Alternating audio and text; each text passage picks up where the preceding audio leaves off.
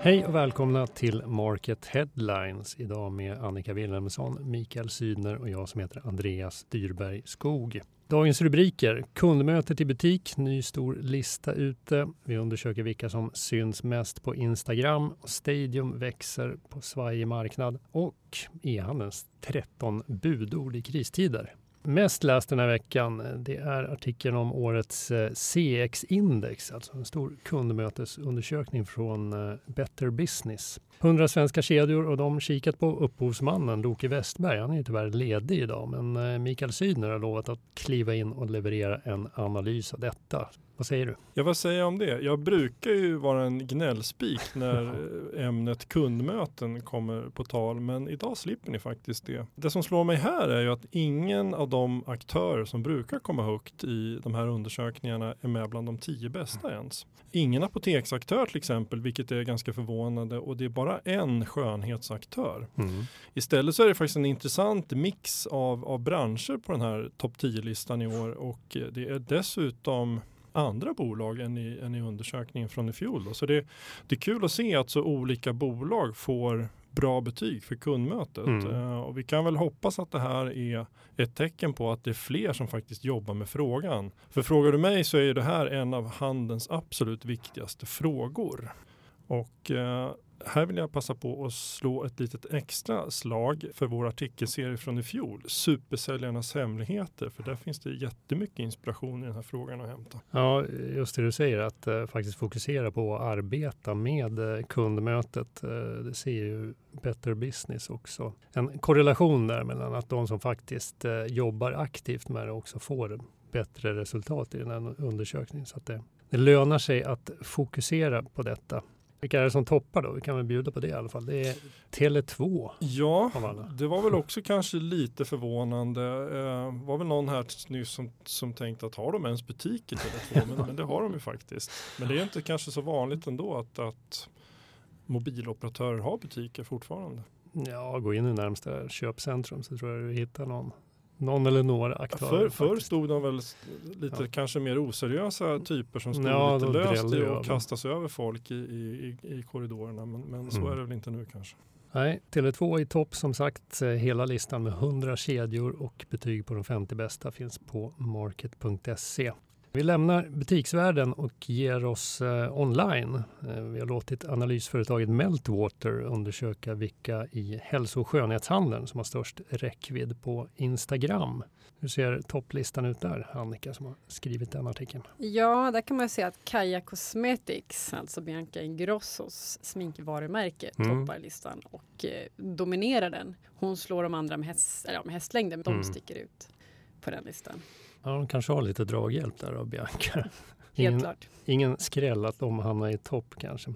Men jag eh, tänkte genast på CX-index faktiskt när jag läste den här artikeln trots att det handlar om fysisk eh, kontra digitala världar här.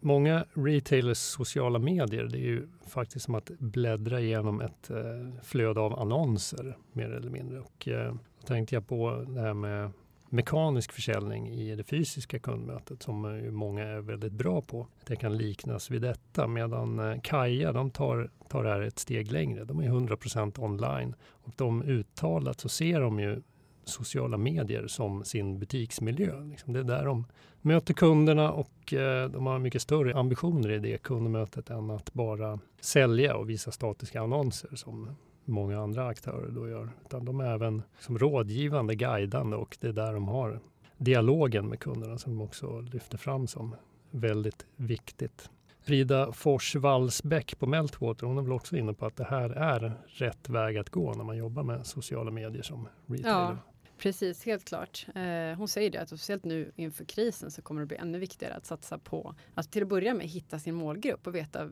liksom, vilka riktar vi oss till och kanske inte då vara allt för bred utan anpassa sig så mycket som möjligt till sina faktiska kunder och eh, satsa på att bygga relationer med dem mm. istället för att bara som du säger fylla det sociala flödet med annonser om att mer försäljning och, och även att liksom, kommunicera med kunden, svara på meddelanden, se till att vara anträffbar. Att om någon mm. vill kritisera eller komma med både positiv eller negativ feedback så ta tillvara på den och för en dialog. Det där handlar väl mycket om att eh, en del helt enkelt saknar en strategi för, för sociala medier. Man är där för att mm. man är mm. där snarare än att ta reda på varför.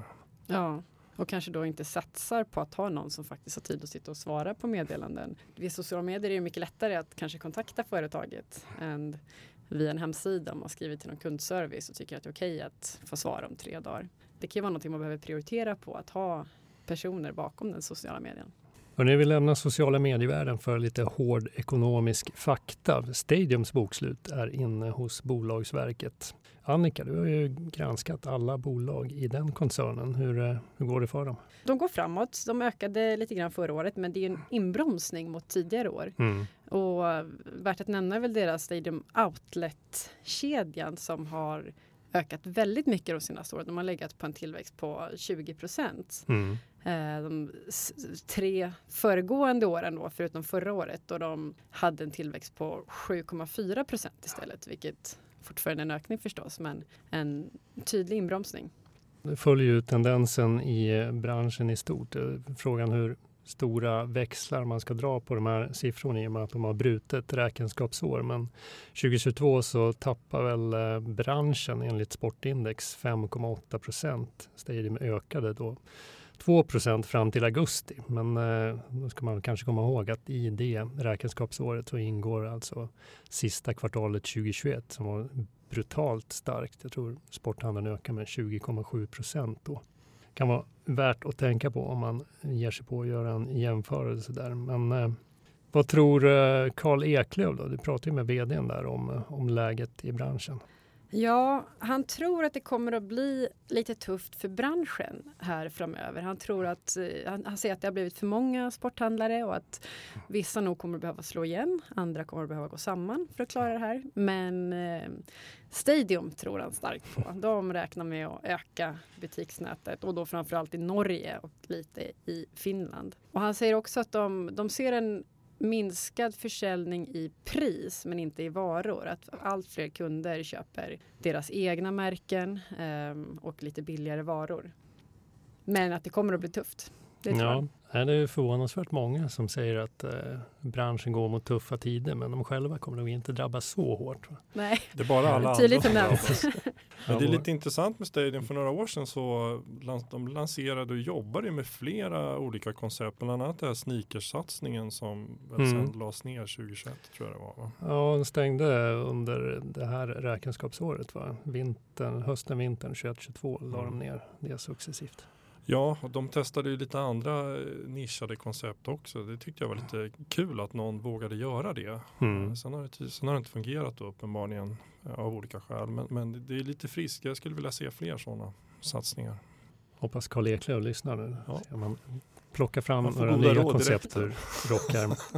Som sagt, det är ingen hemlighet att sporthandeln har haft det tufft eller har det tufft och eh, inte heller att e-handeln har fått baksmälla nu efter pandemiboosten. Eh, Mikael Sydner han bestämde sig för att gjuta lite mod i e-handelskollektivet eller eh, i alla fall ge lite råd i bistra tider. Hur gick det med den artikeln? Ja, det hoppas jag verkligen inte att det är jag som har gett råd om e-handel. Däremot vände jag mig till tre experter för att eh, ja, titta lite grann kring vad trendar inom e-handeln just nu och vad kan man tänka på med tanke på, precis som du sa, det är lite ett, ett lite kargt och kallt e-handelslandskap för stunden i alla fall. Jag kan väl nämna några av de här 13 då. Ehm, det här med lojalitet är ju ofta en brandfackla och eh, Nick Steiger här som har skrivit boken En jävel på e-handel, han säger följande.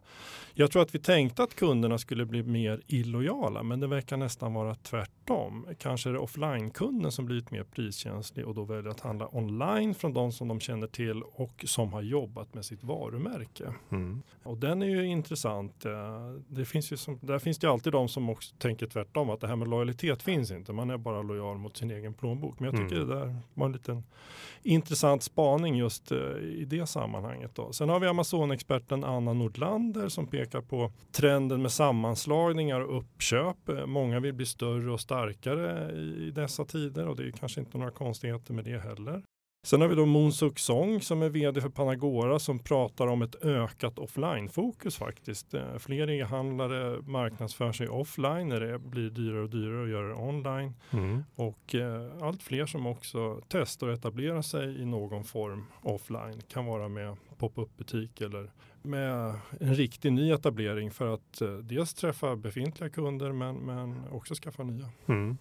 Ja, tre tunga e-handelsnamn där, mycket att både inspireras av, lära av och fundera på. Men det lägger vi den här veckan bakom oss och ser fram emot eh, nya spännande grejer nästa vecka. Det är mycket på gång kan jag lova. Ni har lyssnat på Market Headlines, en podd från tidningen Market, ansvarig utgivare Fredrik Svedjetun. Nu säger vi trevlig helg till alla.